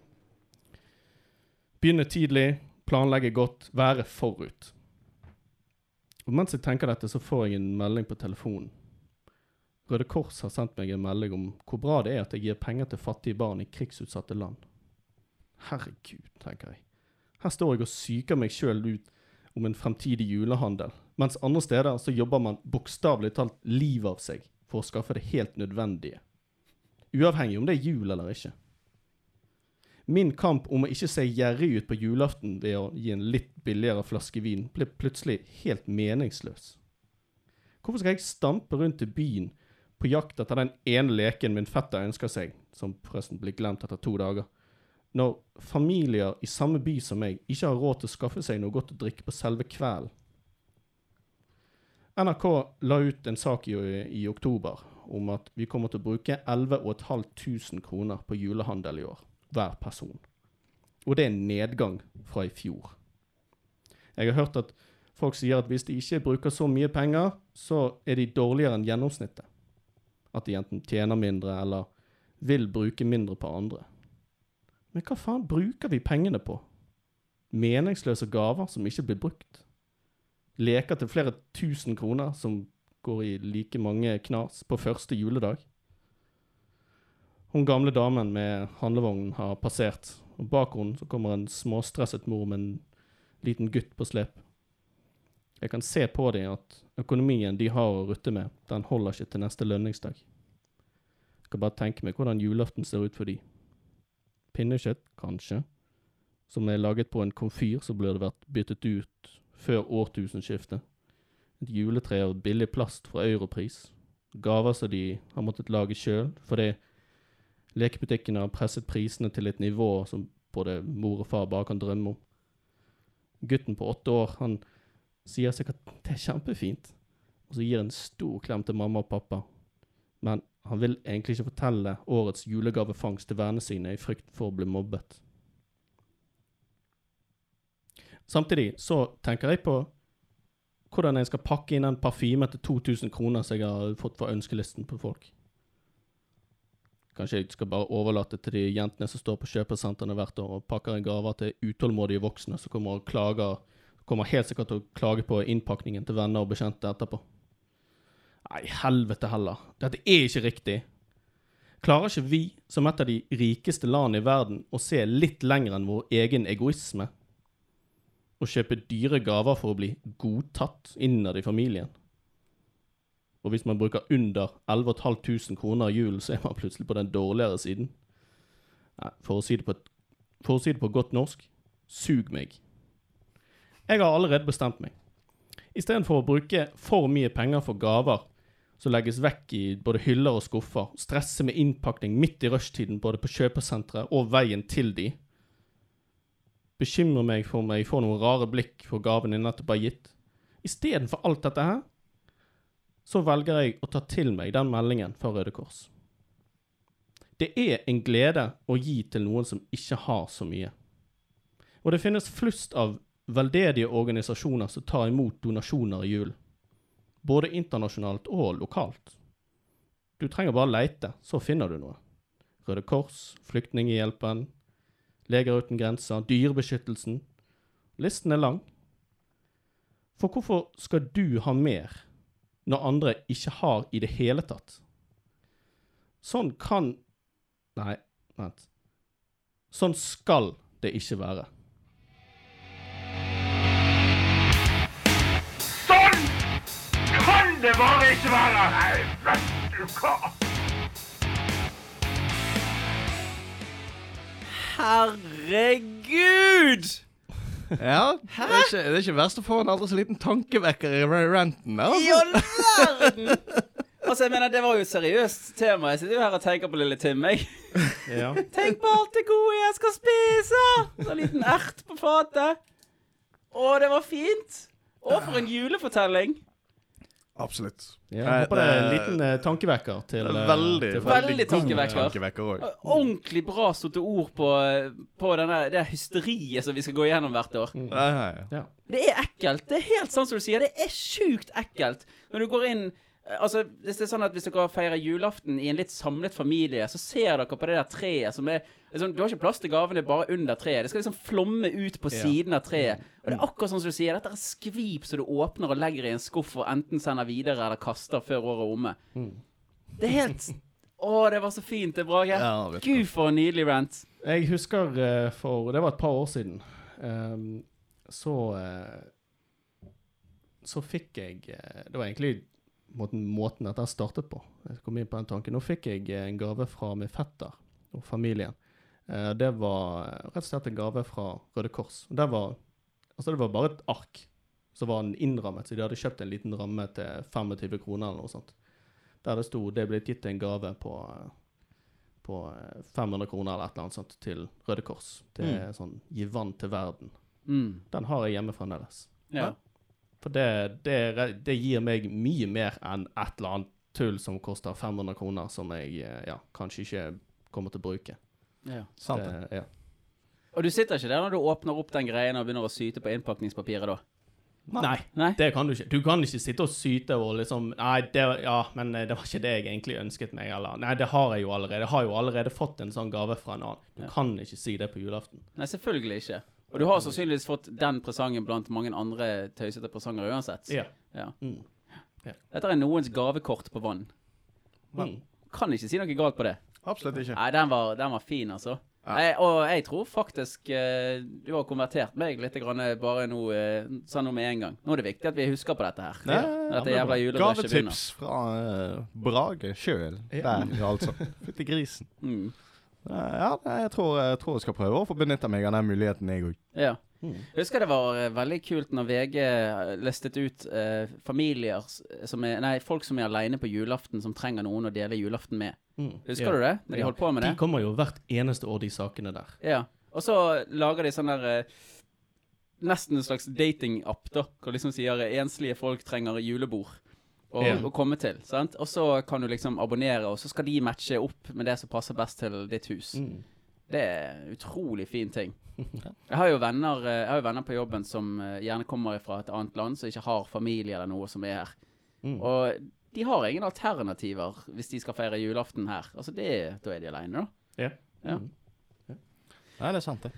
Ah. det uff. Ja. Det ble alvorsvinget, dette her. Ja, det ble alvor, men eh, det ble likevel fint. Men Ja, det ble, det ble litt grann eh, alvor. Sånn skal det være. Sånn skal det være. Ja, Skal vi Med gå det videre? hopper vi videre til neste post.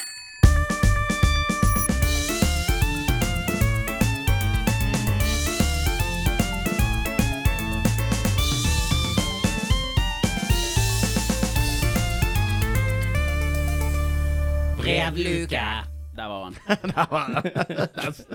Jeg er ikke blitt vant til den her. Nei, det tar litt Det er vel kanskje andre gangen vi har den. Litt av en kontrast. Det er det. Ja, ja, ja. Det er det.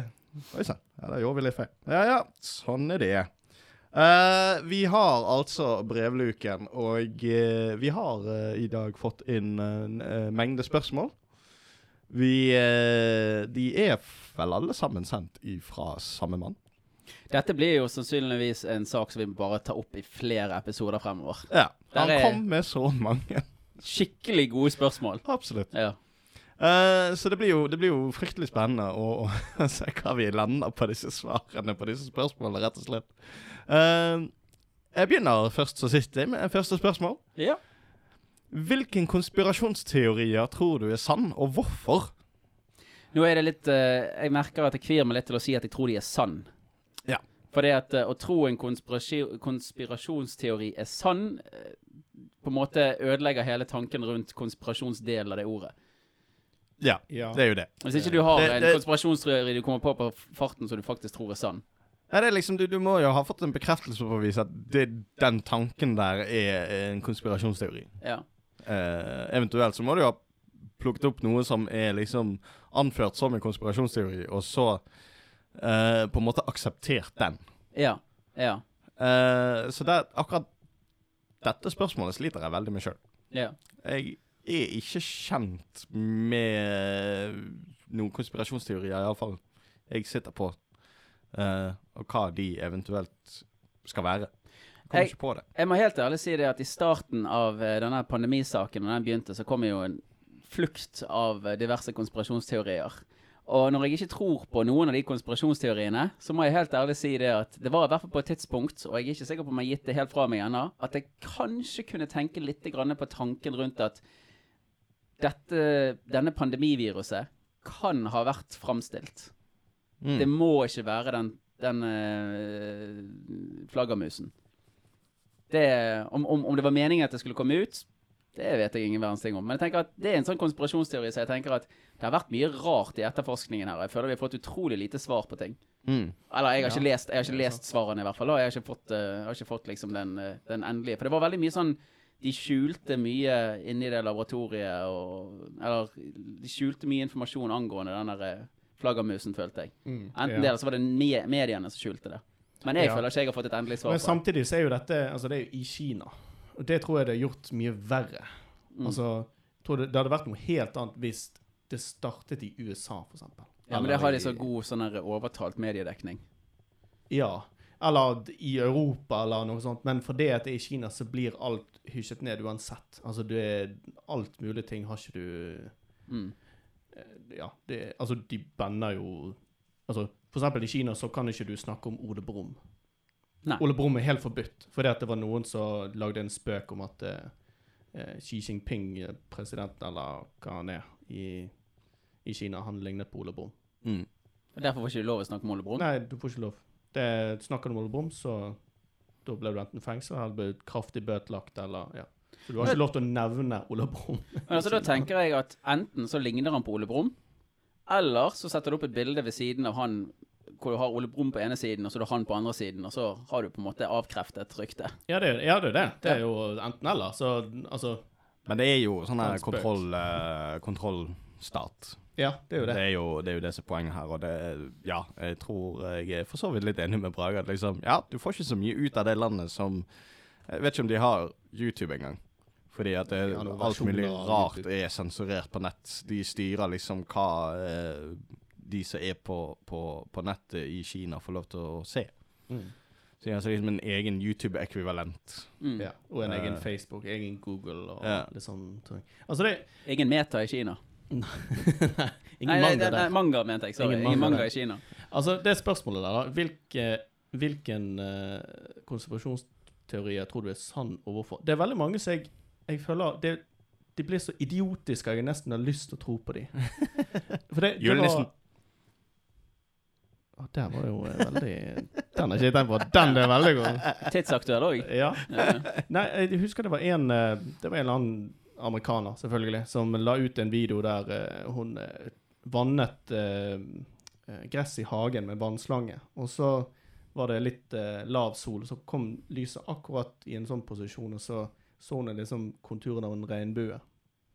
Og så tenkte hun nå her eh, setter de De tilføyer vannet med et eller annet eh, mystisk metall, sånn at eh, her lager de regnbuer. Dette er konspirasjon. Det syns jeg var hysterisk morsomt, det har jeg jævlig lyst til å tro på. At det, var, det var kun for å lage den der ene lille regnbuen der at de gjorde det. Men eh, nei, jeg tror ikke det er sant. her. Ja. Nei eh, Jeg tror vi har vært rundt, rundt deg på akkurat det spørsmålet der. Ja, det er veldig vanskelig å komme på. Ja. Det er ikke Altså- sånn at jeg sitter på noe, noe som jeg tror er, er Altså, det er, altså, hele spørsmålet er et slags sånn oxymoron, egentlig. Ja. Fordi at hvis det er en konspirasjonsteori du tror på, så kan ikke du tro på at det er en konspirasjonsteori lenger. Nei. Det er det. Nei. Vi, vi konkluderer med den, vi. Ja. Vi går videre til neste spørsmål. Eh, hvis du kan elektrifisere en hvilken som helst bil, hvilken bil hadde det vært, og hvorfor? Kan jeg begynne? Yes. En DeLorean.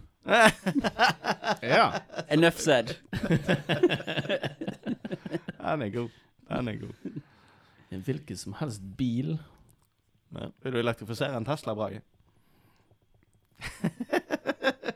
Nei.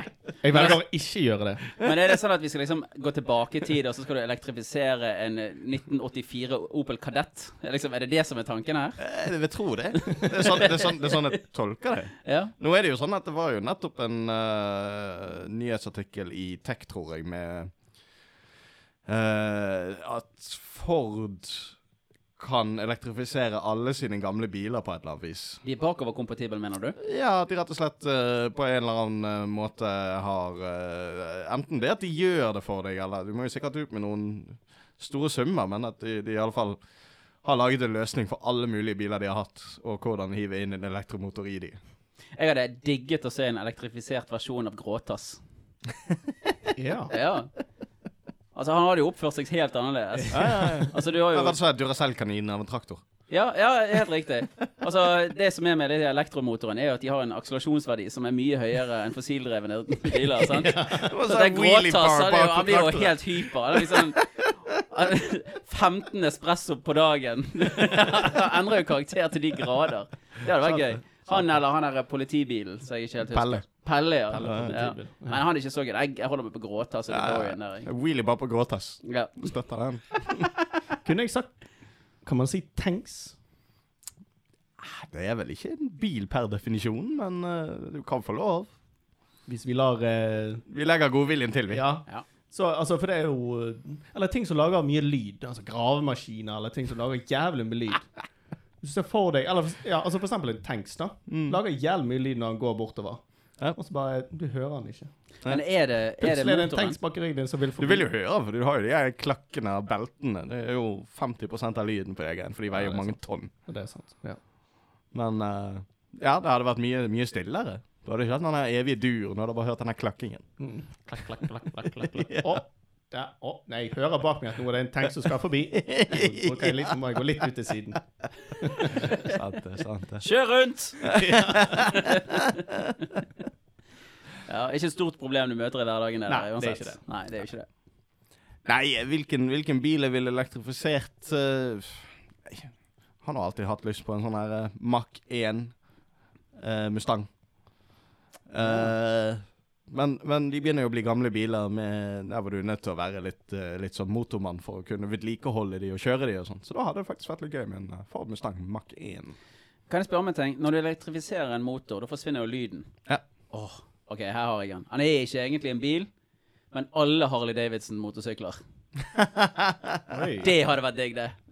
Hadde det, men hadde det tatt vekk litt av uh... Det kan være at de hadde lagt inn disse her kortene mellom spilene for at de skal, skal ha den motorlyden. Men jeg hadde ikke bare legger inn lyden.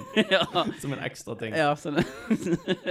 men eh, det, altså, den der eh, jeg Så du går vekk fra DeLorean og over på Harley Davidson? Nei, jeg bare helgraderer meg. Jeg kjører Harley Davidson, gråtass og DeLorean.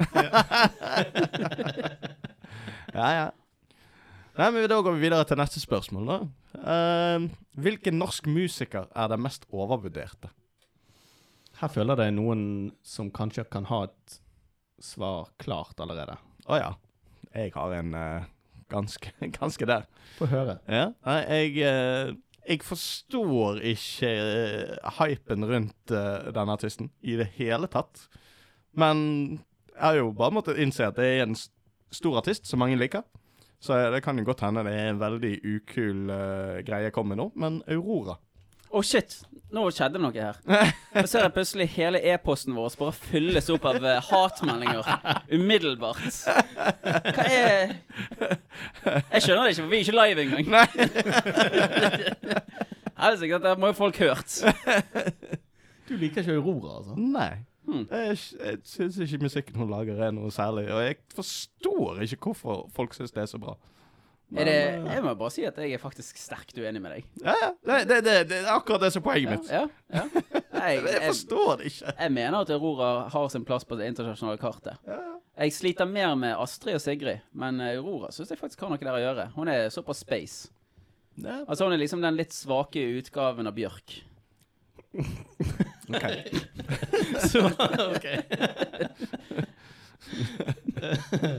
Kjenner ikke til Bjørk så mye heller, men oh, Come on! Jeg, jeg skjønner veldig godt hvorfor du sier Ja, ja, ja. ja, ja. det var bra. Ja, nei, det var meg. Jeg uh, tror jeg skal gå uh,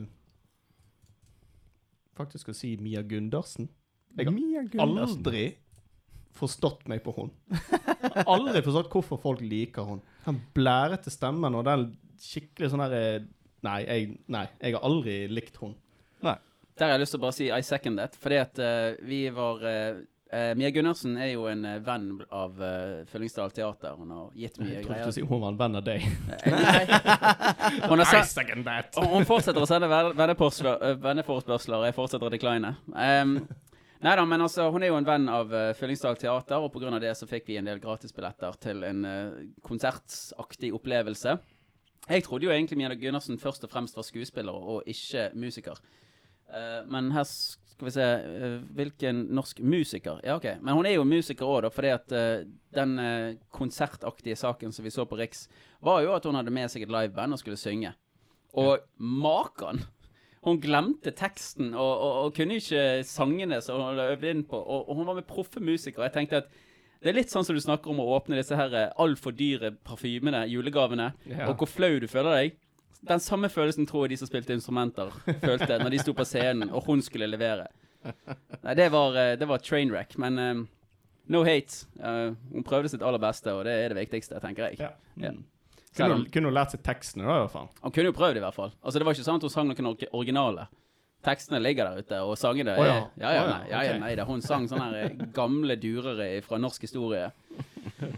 Ja da. Um, nei, altså, jeg bare skyter eh, kjapt inn eh, bare fordi at jeg satt og så på NRK i går kveld og så at uh, Kamel hadde fått uh, to og en halv time sendetid. uh, fordi at han skulle ha en konsert, og det var med i dette programmet som vi snakket litt om tidligere, som heter Haik. Og han fikk for mye sendetid, og det ser ut som hans han har blitt berømt fordi at han eh, flyktet fra poli politiet en gang. Og det har ingenting med musikalsk integritet og forståelse å gjøre. Det har bare med at du gjør noe dumt og flykter fra politiet. Og det er derfor han har blitt kjent, føler jeg. Ja, og så er det vel noe med at han har de hemmelige konsertene eh, som du bare blir invitert med på folkemunne og noe greier. Kanskje. Hvor hemmelig er de når du vet om de?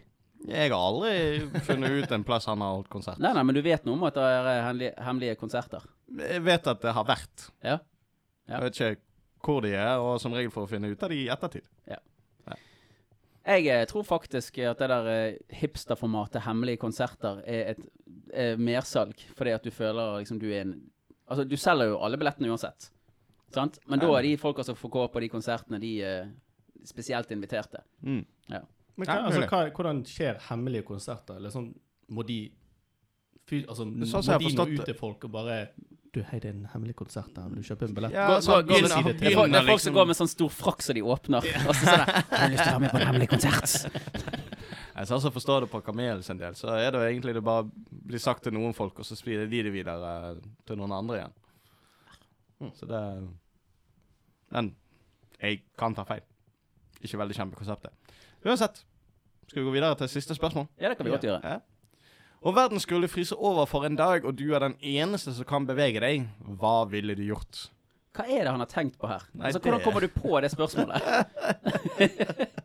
Fryse over. Og du Altså, er den eneste som kunne Men hva betyr det? Betyr det at alle er liksom stivfrosne i en sånn der Ja, endagskoma-situasjon? nok eh, sånt. Ja, men er de låst da inne i en iskube, eller kan du Nei, begynne det, å ta jeg på vil se for meg at det bare er sånn du sier 1, 2, 3, frys! Ja, sånn, ja. Ja, OK. Ja. Ja. ja. Så du bare står liksom på stedet hvil i Nå er alle den de du. posturene du er. Nå er Ja. den du. Men da er hele verden også? Altså, hvis du Eh, altså Det er jo Eller hvis du er vanskelig. akkurat i hoppet, da når du fryses over, står du i løse luften, eller faller du ned på bakken? Jeg tenker det skal du få lov til å avgjøre sjøl. Begge deler er like sannsynlig om du eh, Det er nå det ene og det andre. Så hvis du vil, så kan hele verden bare legges ned på bakken og, og ligge der. Det hadde vært utrolig gøy, uh, egentlig. Altså Hvis det var det sånn som du sier, at folk er liksom i luften, så hadde du liksom, kunne du gått rundt omkring i New Yorks gater så jeg bare gjør beregning på at folk hopper fra bygninger i hytte og gevær. Så bare går du rundt omkring og så sier at der er en som er midtveis i luften og har tenkt å drepe seg sjøl. Her skal jeg blåse opp en madrass. Ja. Det hadde vært kjempegøy. ja, så blir du redningsmann. Da blir du redningsmann. Eller ja, han hadde jo lyst til å drepe seg, så det blir jo litt Ja. Altså han Ja. ja, Eller hun. Eller hun. Men det var ikke mitt svar. Det var eh, en såkalt anekdote. Hmm. Ja, hva hadde folk gjort?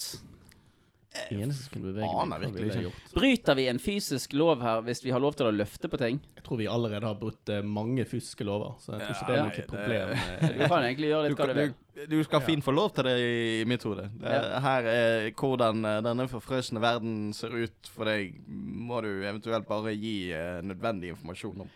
Da hadde jeg gått eh, på McDonald's, og så hadde jeg sett alle som har kjøpt cola der. Og så hadde jeg tømt colaglasset deres og så fylt opp med Pepsi. Det var det du hadde gjort på en Det hadde dag. jeg gjort. En hel dag. En det var hel det dag. du gjorde. Ja, ja, ja. Kun det. Du har jo bare én dag å gjøre det på. Tenk kjapt. Men hva med å rane banker, for eksempel? Ja, det er det første jeg òg tenker. Hvorfor? Men da, altså det er jo altså, Det er ikke bare å gå inn og se det i en bank, og så er det masse penger. Så det Nei, er det er jo ikke det. Det er jo masse Altså kamera, for eksempel. Er de fryst? De må jo være fryst. de- Ja, hvis ikke, så Hele verden er Ja, du, kan, fryst. du, kan, du kan ikke game i denne verden. Fordi signalet er fryst. Ja. Det hadde jo vært utrolig hyggelig hvis du klarte å finne en bank som åpnet val Valve Valve? Valve? Hvelve. Valve klokken tolv dønn på natten. Så akkurat nok til at du kommer deg inn, Ja. og så bare klikk. Ja. ja. Så kan du bare åpne døren og gå inn og hente inn, ja. Jeg vet ikke om det er sånn banker fungerer lenger. Er det liksom et hvelv med fullt med penger? Det er jo Det er vel noen som har det. Men, Ja, eh, Vi har jo sett Nokas. Ja, men jeg tror eh, Altså, det er nok, det er nok sikkert eh, beholdninger med gull og sånne ting eh, som er Men eh, ja, Jeg tror den er ganske sentralisert i én en enkelt bank. Det er ikke sikkert den brukes som en bank engang. Ja, for eksempel, hvis du er nødt til å gå til sentralbanken i Sveits, så må du komme deg dertil. Og flyene står vel sannsynligvis på bakken. Eller de står egentlig der som de står, de. Ja. Du kan jo ikke bare hoppe på et fly og så bare fly til Sveits. Ja, da må du gå. Ja, altså, da må du, du gå. du, du, du kan få lov. Altså, hvor begrensningene ligger i uh... Ja, men da må du fly flyet. ja, ja. Nei, men altså, det kan jo hende det er bare menneskene. Bare meg? Ja, ja, ja, det er greit. Men ja, du må fly flyet, fly som du, eh, du har lyst til å utfordre deg sjøl Ja, som da- en da daglig jeg- pilot for en dag, bare fordi at du kan. Da står jeg opp tidlig, og så lærer jeg meg å fly et fly. Problemet med fly er ikke å fly det, problemet med fly er å lande det. Putt det på en T-skjorte og selg den.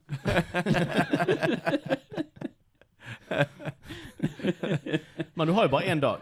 Det hørtes veldig sånn ISIS ut. Ja, nei, altså det, Selvfølgelig, det er jo verre enn det. Men altså, det, den største utfordringen med fly er jo faktisk å få det ned på bakken igjen trygt. Ja, ja. Det, det å komme seg opp, og når du først er i luften, så er jo det relativt enkelt i forhold til det å skulle lande. Hmm. Uten at flyet går sønder og sammen og ja, blir dødsulykke og det som verre, måtte være verre, verre i. Jeg hadde elsket å være en flue på veggen når du plutselig bestemte deg for en dag å gå inn på et intervju i SAS. Det der å fly et fly er jo egentlig ikke så jævla vanskelig. Det der å få det opp i luften og bare holde det oppe, det går jo greit.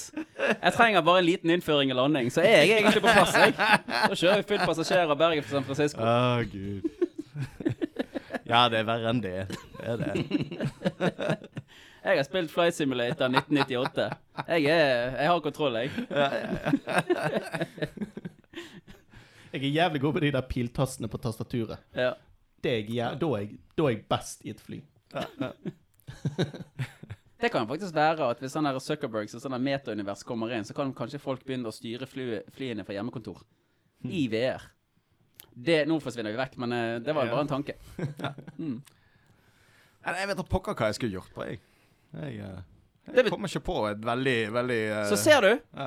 ser du, bytte cola med Pepsi er foreløpig det beste. Vet du hva? Det er utvilsomt det ja, beste. Det er det. Så jeg finner ingen ekvivalenter, eller eh, Jeg bare tenker liksom ja, Du kan jo ikke, du kan jo ikke finne på noe med noen. Nei. Altså eh, Du kan stikke på kino, eh, men da må du sette på kinoen sjøl. Ja, det må du. det er gjerne ikke hvordan det fungerer. Altså, det hadde vært Det hadde føltes litt rart, da. Altså, nå er hele verden frøs over. Jeg setter meg ned og ser en god film. liksom, masse sånn Masse ting du ikke hadde gjort Nei. hvis alt bare hadde stoppet. Så det er, liksom, det er så far-fetched. Men jeg liker at ingen har sagt at de skal tafse på folk. Nei. Men det, Det, det liker jeg at Ja, eh, jeg ingen sier. men vi kunne jo gått rundt omkring og drept noen eh, sånne verden, altså noen sånne ledere. Altså noen som gjør Eller for eksempel en eller annen ISIS-leder, da.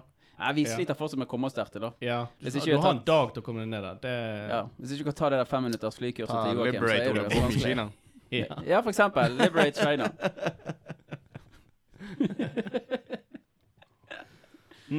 Ja, nei, vet du hva, jeg går på eh, Jeg tar den eh, cola-ideen din, og så tar jeg eh, rett og slett eh, Viderefører det med å helle vann i masse spritflasker. Oi. Ja, Men bare også en liten hint av den spriten, sånn at det, det lukter fremdeles. Bare se, se placeboeffekten. Ja, og så ser jeg hvor jævlig mange som blir driting. Så, ja, ja, ja, og så står jeg der og bare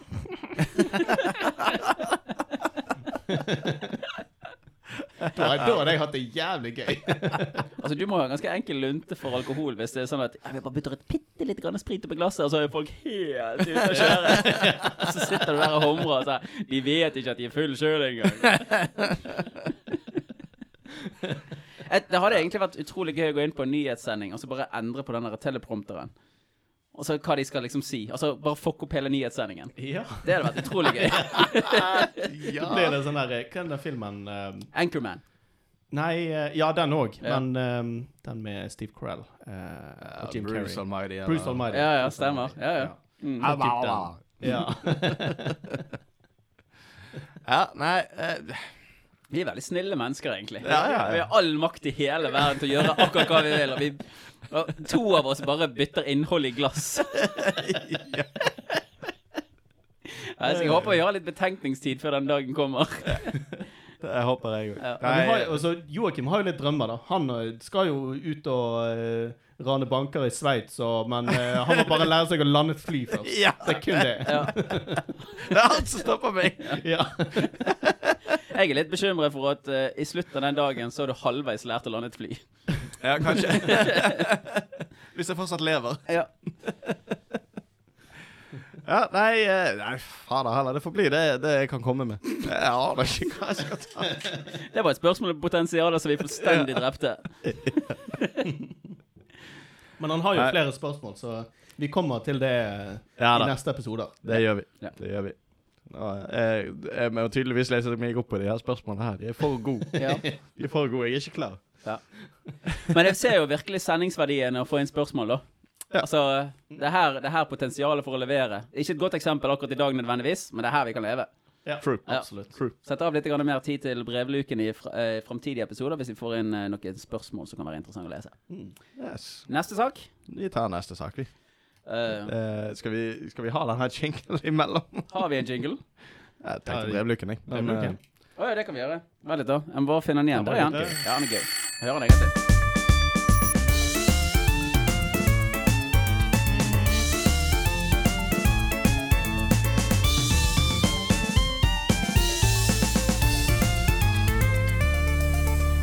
Brevluke.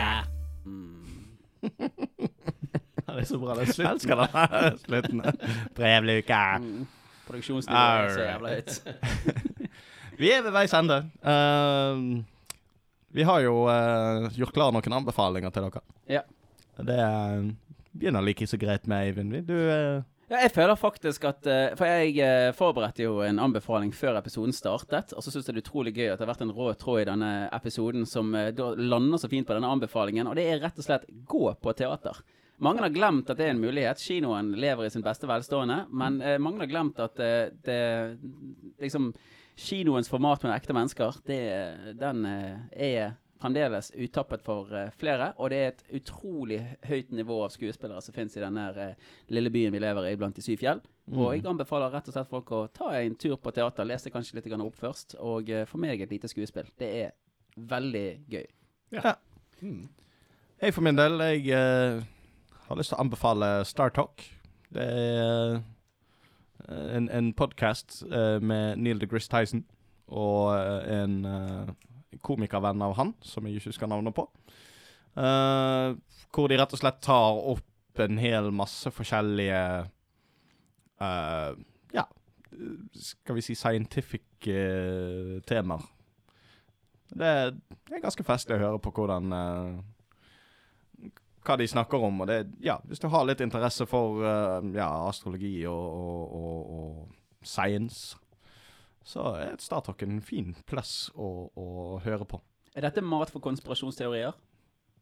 Nei, Det blir det er vel, det er vel stort sett uh, jo, uh, av, av uh, Altså der hvor det ikke er 100% så poengteres det gjerne på et vis. Ja, nettopp. Sånn at Men det går jo mye ut ifra det vi vet i dag. Mhm. Eh, Men han eh, Neil deGrasse Tyson, han er vel astrofysiker? Noe det? sånt. Noe sånt. Ja, så han er altså science bitch. Ja, det, ja. det er det han går for, ikke Profesjonell. Han er jo blant de store, store når det kommer liksom til uh, verdensrommet i den moderne verden. Da. Ja. Uh, I lag med et fåtall andre. Uh, så ja. Jeg, jeg har hørt litt på det. Det er utrolig artig. Ja. Eh, Det er Og så er det egentlig Altså, stemmen hans til Neil, deGrasse Tyson er Mm. veldig sånn avslappende. Ja. Og veldig sånn Han har òg en veldig festlig latter. Ja. Er det liksom uh, universets Altså univers, universforskningens versjon av uh, Truls og Eivind Hellstrøm? Mm, ja, ja, jo, ja. Du kan vel Kan nærme deg der. Ja, Ja, Mm. Det er ikke langt ifra. Ja. Noe i den, du. Du har en som vet hva han snakker om, og så har du en som ikke vet hva han snakker om. Men han kommer jo med flotte, flotte humoristiske punkt ja. til det eh, Neil gjerne leverer. Uh, så det er jo der du på en måte får Du får litt fakta med, blandet med humor, da. Yeah. Det er veldig gøy. Den, eh, den har jeg funnet på YouTube. Du finner den sikkert også på Spotify eller andre steder. Så Det var Star Talk. Star Talk by Neil deGrasse Tyson. Eh, jeg for min del, jeg uh, vil rett og slett uh, gå tilbake til det jeg snakket om i uh, ranten min. Eh, og det, altså, Du trenger ikke være sånn at du bruker alle pengene på Røde Kors. Det er ikke det det er snakk om. Det altså bare Hvis du har en eller annen person som du ikke vet hva du skal finne på til, en eller annen besteforelder som Ja, hva, hva gir vi til en eh, 75-åring, da? Hva trenger en 75-åring? Jeg vet at det er veldig mange som har som sier den setningen hvert eneste år. Og ja, hvorfor Hvis du ikke Hvis det er en som du ikke vet hva du skal gi til, hvorfor ikke gi et gavekort på Eller ikke gavekort, men en eh, Altså for eksempel gi vann til verden for Røde Kors. Eller Flyktninghjelpen, eller noe sånt. Så det gleder noen andre. Det er noen som får veldig, veldig bruk for den. Det finnes flust av det. Jeg bare et kjapt Google-søk, eh, så er det Finner du en Ja. Veldig, veldig mye. Jeg merker, det at når, jeg merker det at når vi er kommet opp i den alderen som vi er i nå, hvis det er noe vi trenger, så bare kjøper vi det. Ja. Ja. Så du har jo det. Stort sett. Ja. Nei, men den er god. Da er vi ved, eh, ved veis ende. Ja. Og vi takker for denne gang. Og så høres vi ved neste episode. Takk for oss! Ha det bra. Takk for oss.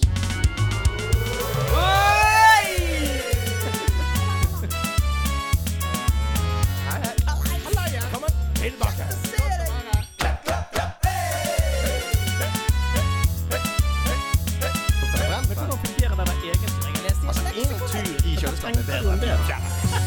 Og der sto han alene. Se hvor lang han har blitt. Hvorfor dette gir ingen mening! Påskemysterier på melkekartonger! Litt korona datt! Nei.